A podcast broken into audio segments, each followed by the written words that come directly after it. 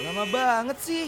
Duh, sabar dong, masih pagi nih. Mana bisa sabar, karena kalau udah pagi gini, waktunya happy morning mengudara. Oh iya, langsung dengerin yuk. Tersenyum menyambut datangnya pagi ini Dan ku katakan Embun membasahi Pagi bersama Buka kita buka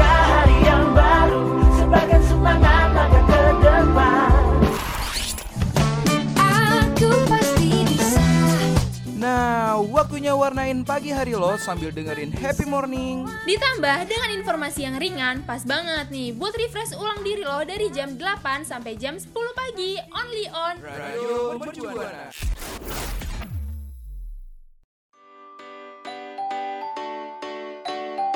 Mau tiap paginya bersemangat?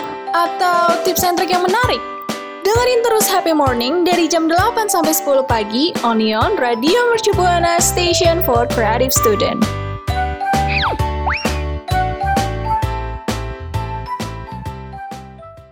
Radio Mercu Buana, Station for Creative Student. Halo rekan Buana, balik lagi di Happy Morning bareng penyiar-penyiar kece yaitu ada gue Zahra dan rekan gue. Ada Dewi di sini. Hai rekan Buana, selamat pagi nih. Di pagi yang cerah ini kita bakal bahas pembahasan yang seru-seru banget. So, sebelum itu kita nggak bosan-bosan untuk ingetin rekan Buana untuk follow apa? Follow sosial media kita di Twitter, Instagram, dan Facebook yaitu @radiomercubuana. Mm-mm, selain itu rekan Buana juga bisa dengerin siaran-siaran kece lainnya ada di Spotify kita at Radio Mercu Buana. Terus juga rekan Buana bisa loh baca artikel-artikel yang seru yang update hanya ada di www.radiomercubuana.com.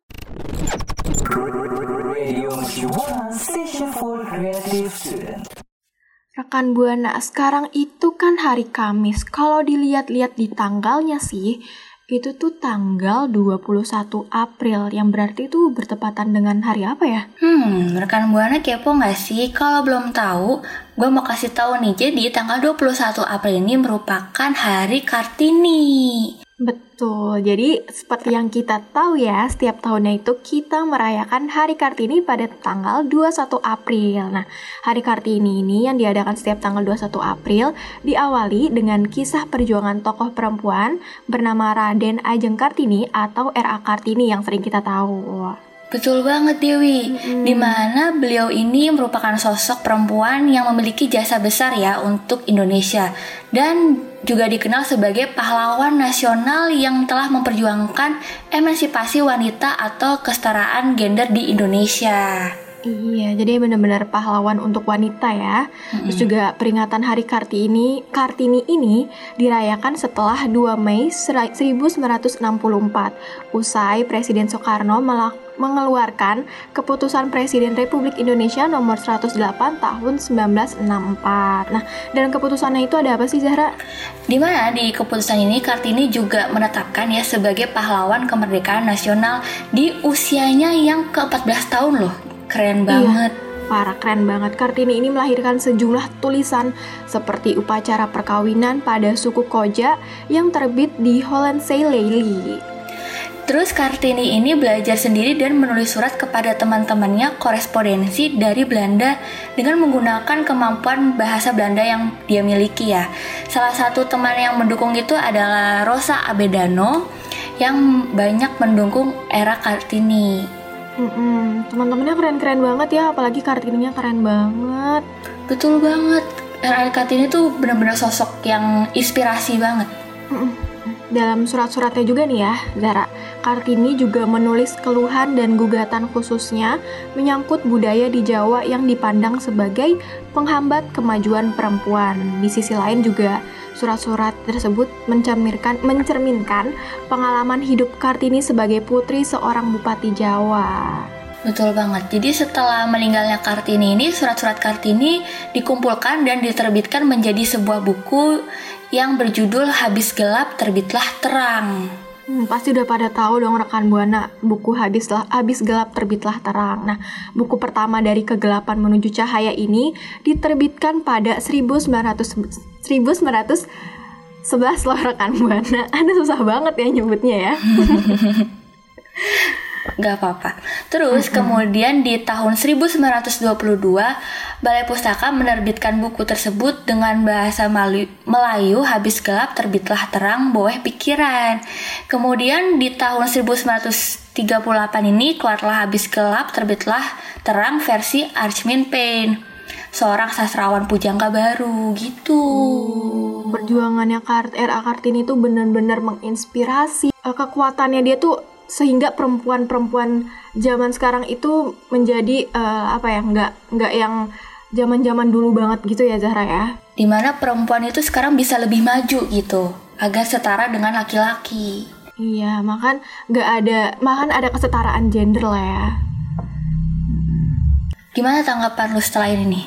Kalau gue, ya gue berterima kasih lah ya sama era Kartini karena berkat perjuangannya itu kita bisa seperti eh, sekarang ini, bahkan kita bisa siaran seperti ini tuh mungkin karena dari perjuangannya era Kartini ini kita nggak cuman nyapu di rumah yang kayak apa tadi apa ya yang dia disebutin sebagai anak bupati itu kan karena menghambat kemajuan perempuan. Nah, kita ini sebagai penyiar juga mungkin udah sebagai uh, kemajuan dari perempuan-perempuan Indonesia, ya kan? Setuju banget sama Dewi. Coba dong rekan Buana kasih tanggapan kalian tentang perjuangan Kartini yang memperjuangkan emansipasi wanita atau kesetaraan gender di Indonesia. Mungkin bisa aja ke Twitter kita di has dengan hashtag Happy Morning. Radio Mercubuana Station for Creative Student.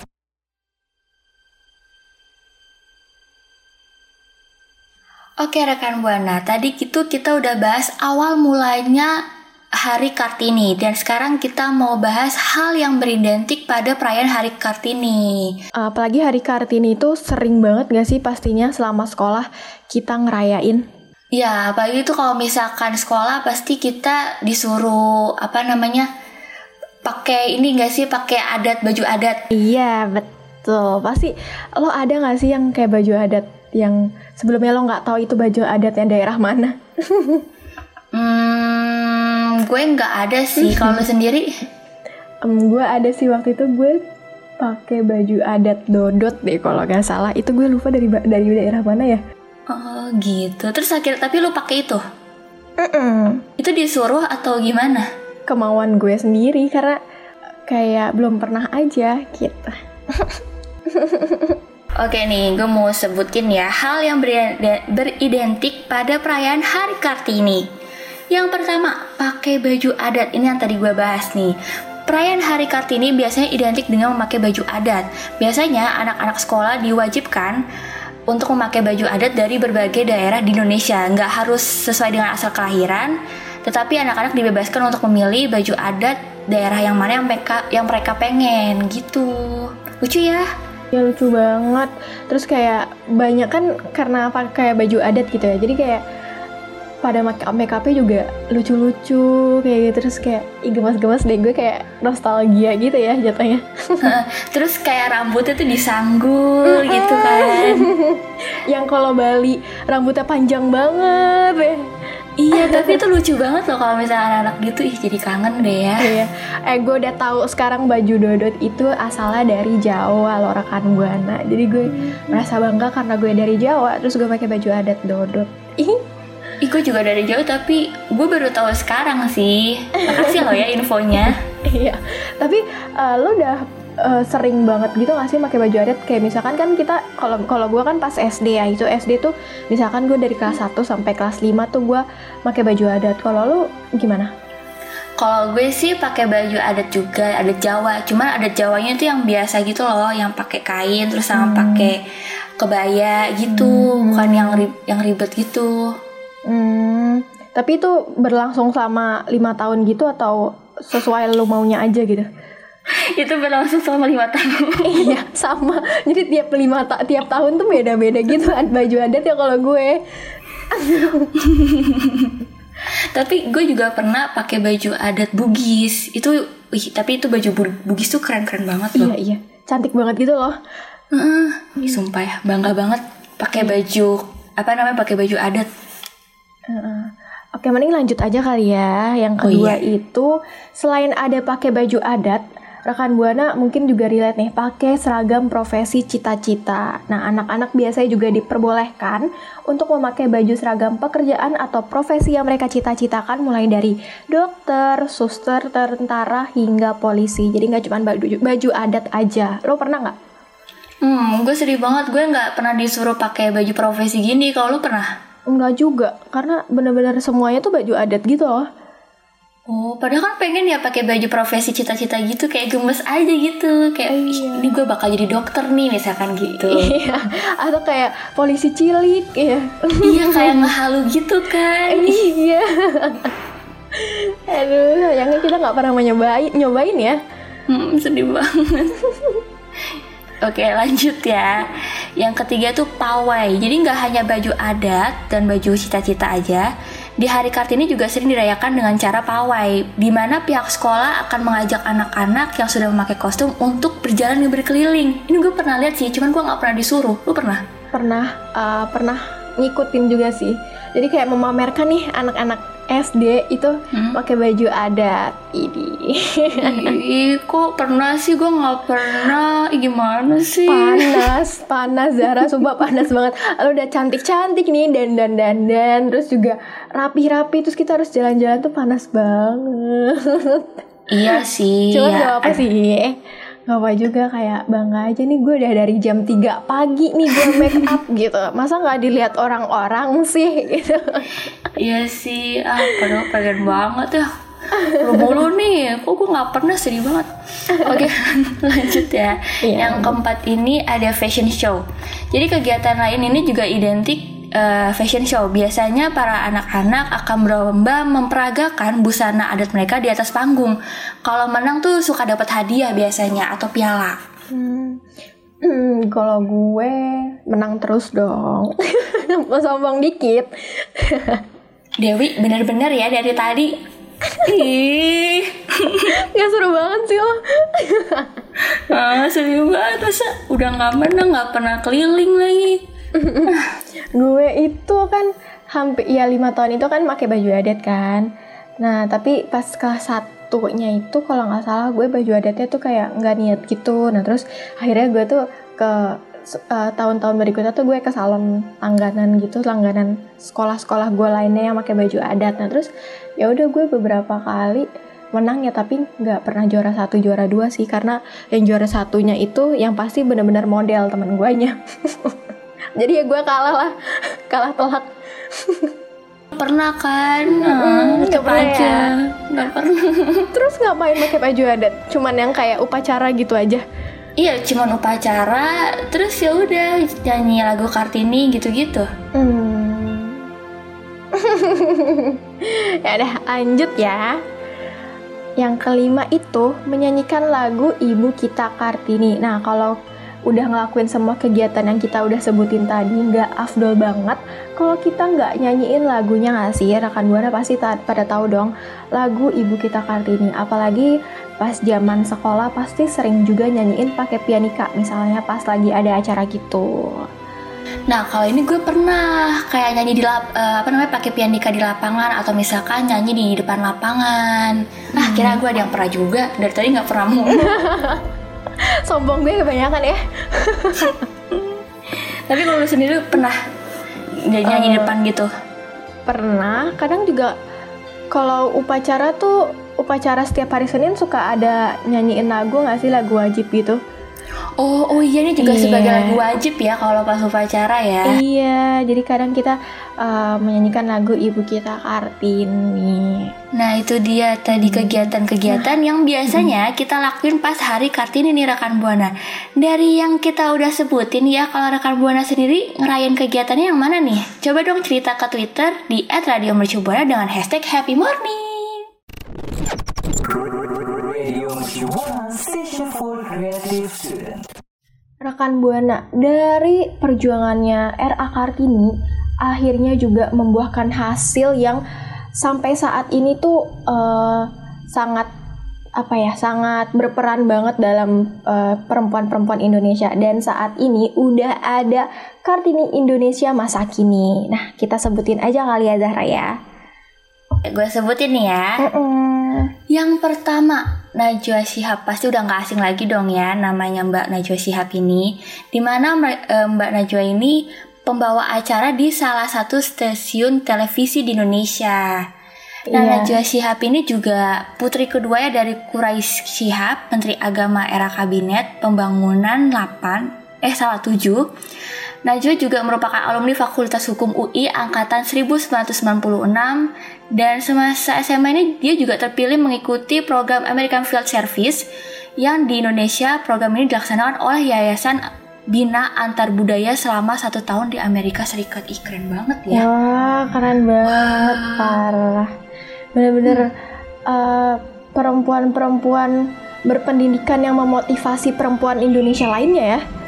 Iya, aku tuh su- gue tuh suka kagum gitu loh sama Mbak Najwa ini. Hmm. Apalagi pengakuan terhadap profesionalismenya Najwa ini tidak hanya datang dari dalam negeri loh rekan Buana, tapi juga dari mancanegara. Nah, terbukti selain kembali masuk nominasi pembaca berita terbaik Panasonic Award, ia juga masuk nominasi 5 besar ajang yang lebih bergengsi di tingkat Asia, yaitu Asian Television Award untuk kategori Best Current Affairs atau Talk Show Presenter. Sampai saat ini juga, Najwa Shihab masih menjadi sosok wanita Indonesia yang hanya tidak cantik dan elegan, tapi juga apa? Tapi juga sosok wanita yang pinter, tegas, dan independen. Oh, yang sebagai inspirasi dan role model oleh banyak wanita, baik ibu rumah tangga sampai wanita karir. Keren banget ya Mbak Najwa ini. Ya nggak nggak perlu diragukan lagi sih suaranya juga suara dalam memberikan argumennya itu juga keren banget ya. Iya kalau kita nonton di televisi nih Mbak Najwa tuh bener-bener tegas banget gitu Mm-mm, sama sangat pendiriannya berani ya. dia. Iya berani juga. Mm-mm.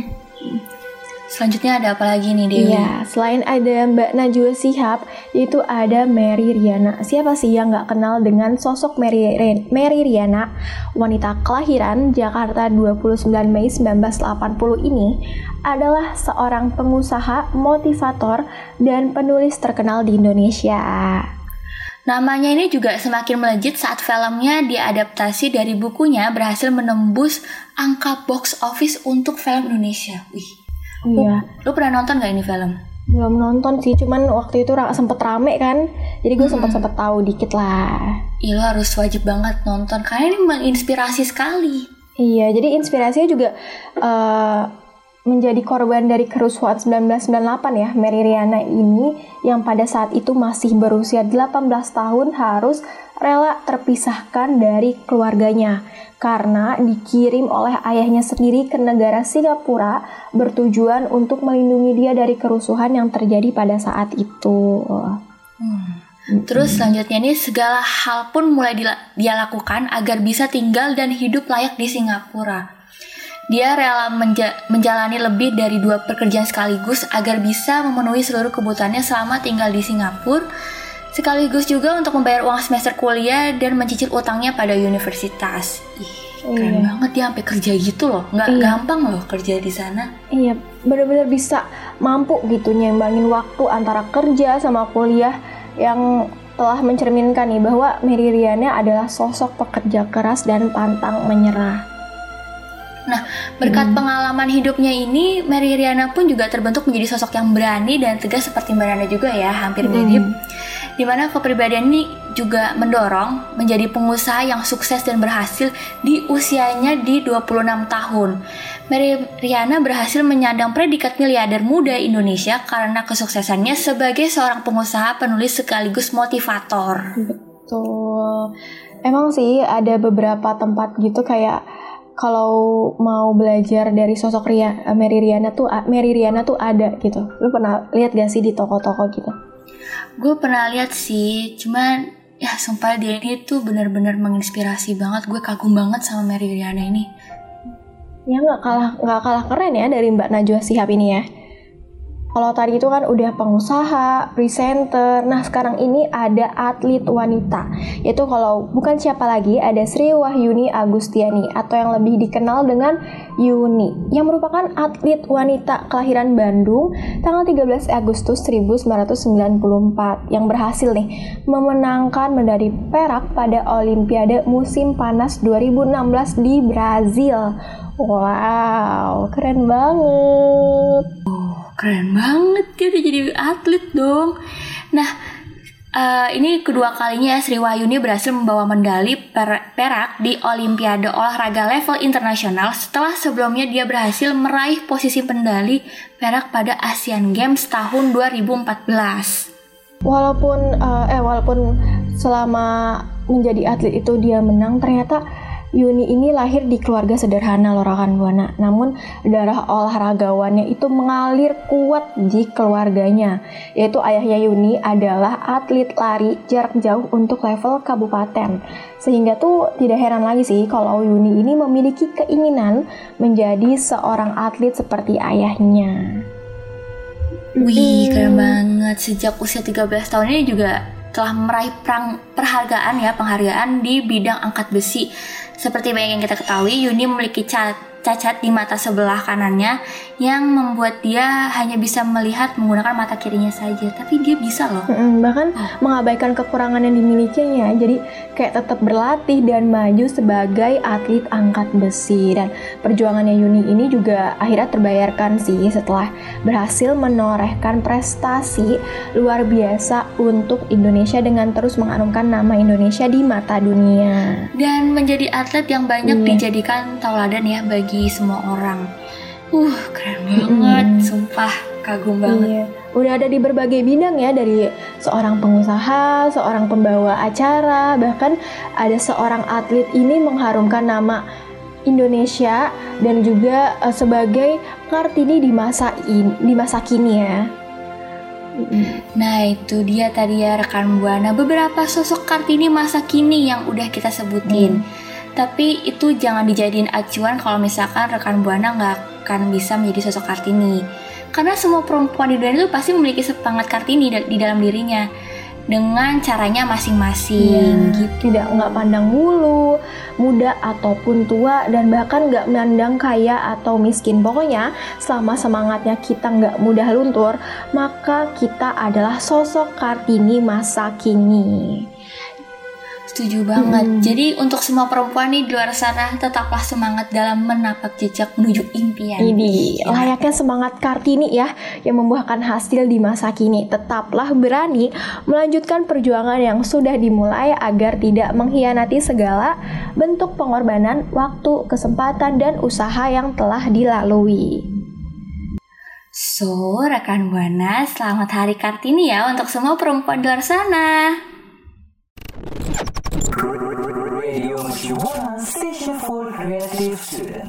Rekan Buana, sesuai tanggal hari ini yaitu 21 April, tadi kita udah bahas banyak tentang sejarahnya RA Kartini, terus juga hal identik selama perayaan Hari Kartini sampai kita throwback-throwback dan yang terakhir itu tadi kita bahas ada Kartini masa kini di Indonesia. Seru-seru banget ya cerita-cerita kita.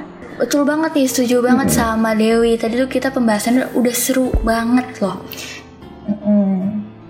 Kalau mau yang seru-seru lagi ya rekan buana, rekan buana tuh pantengin terus loh Spotify kita di Radio Mercu Buana dan juga rekan buana harus banget follow sosial media kita ada di mana Di aja. Instagram, Twitter, dan Facebook yaitu @radiomercubuana. Kalau misalkan rekan Buana mau baca artikel-artikel menarik dan seru, langsung aja kunjungi website kita di www.radiomercubuana.com.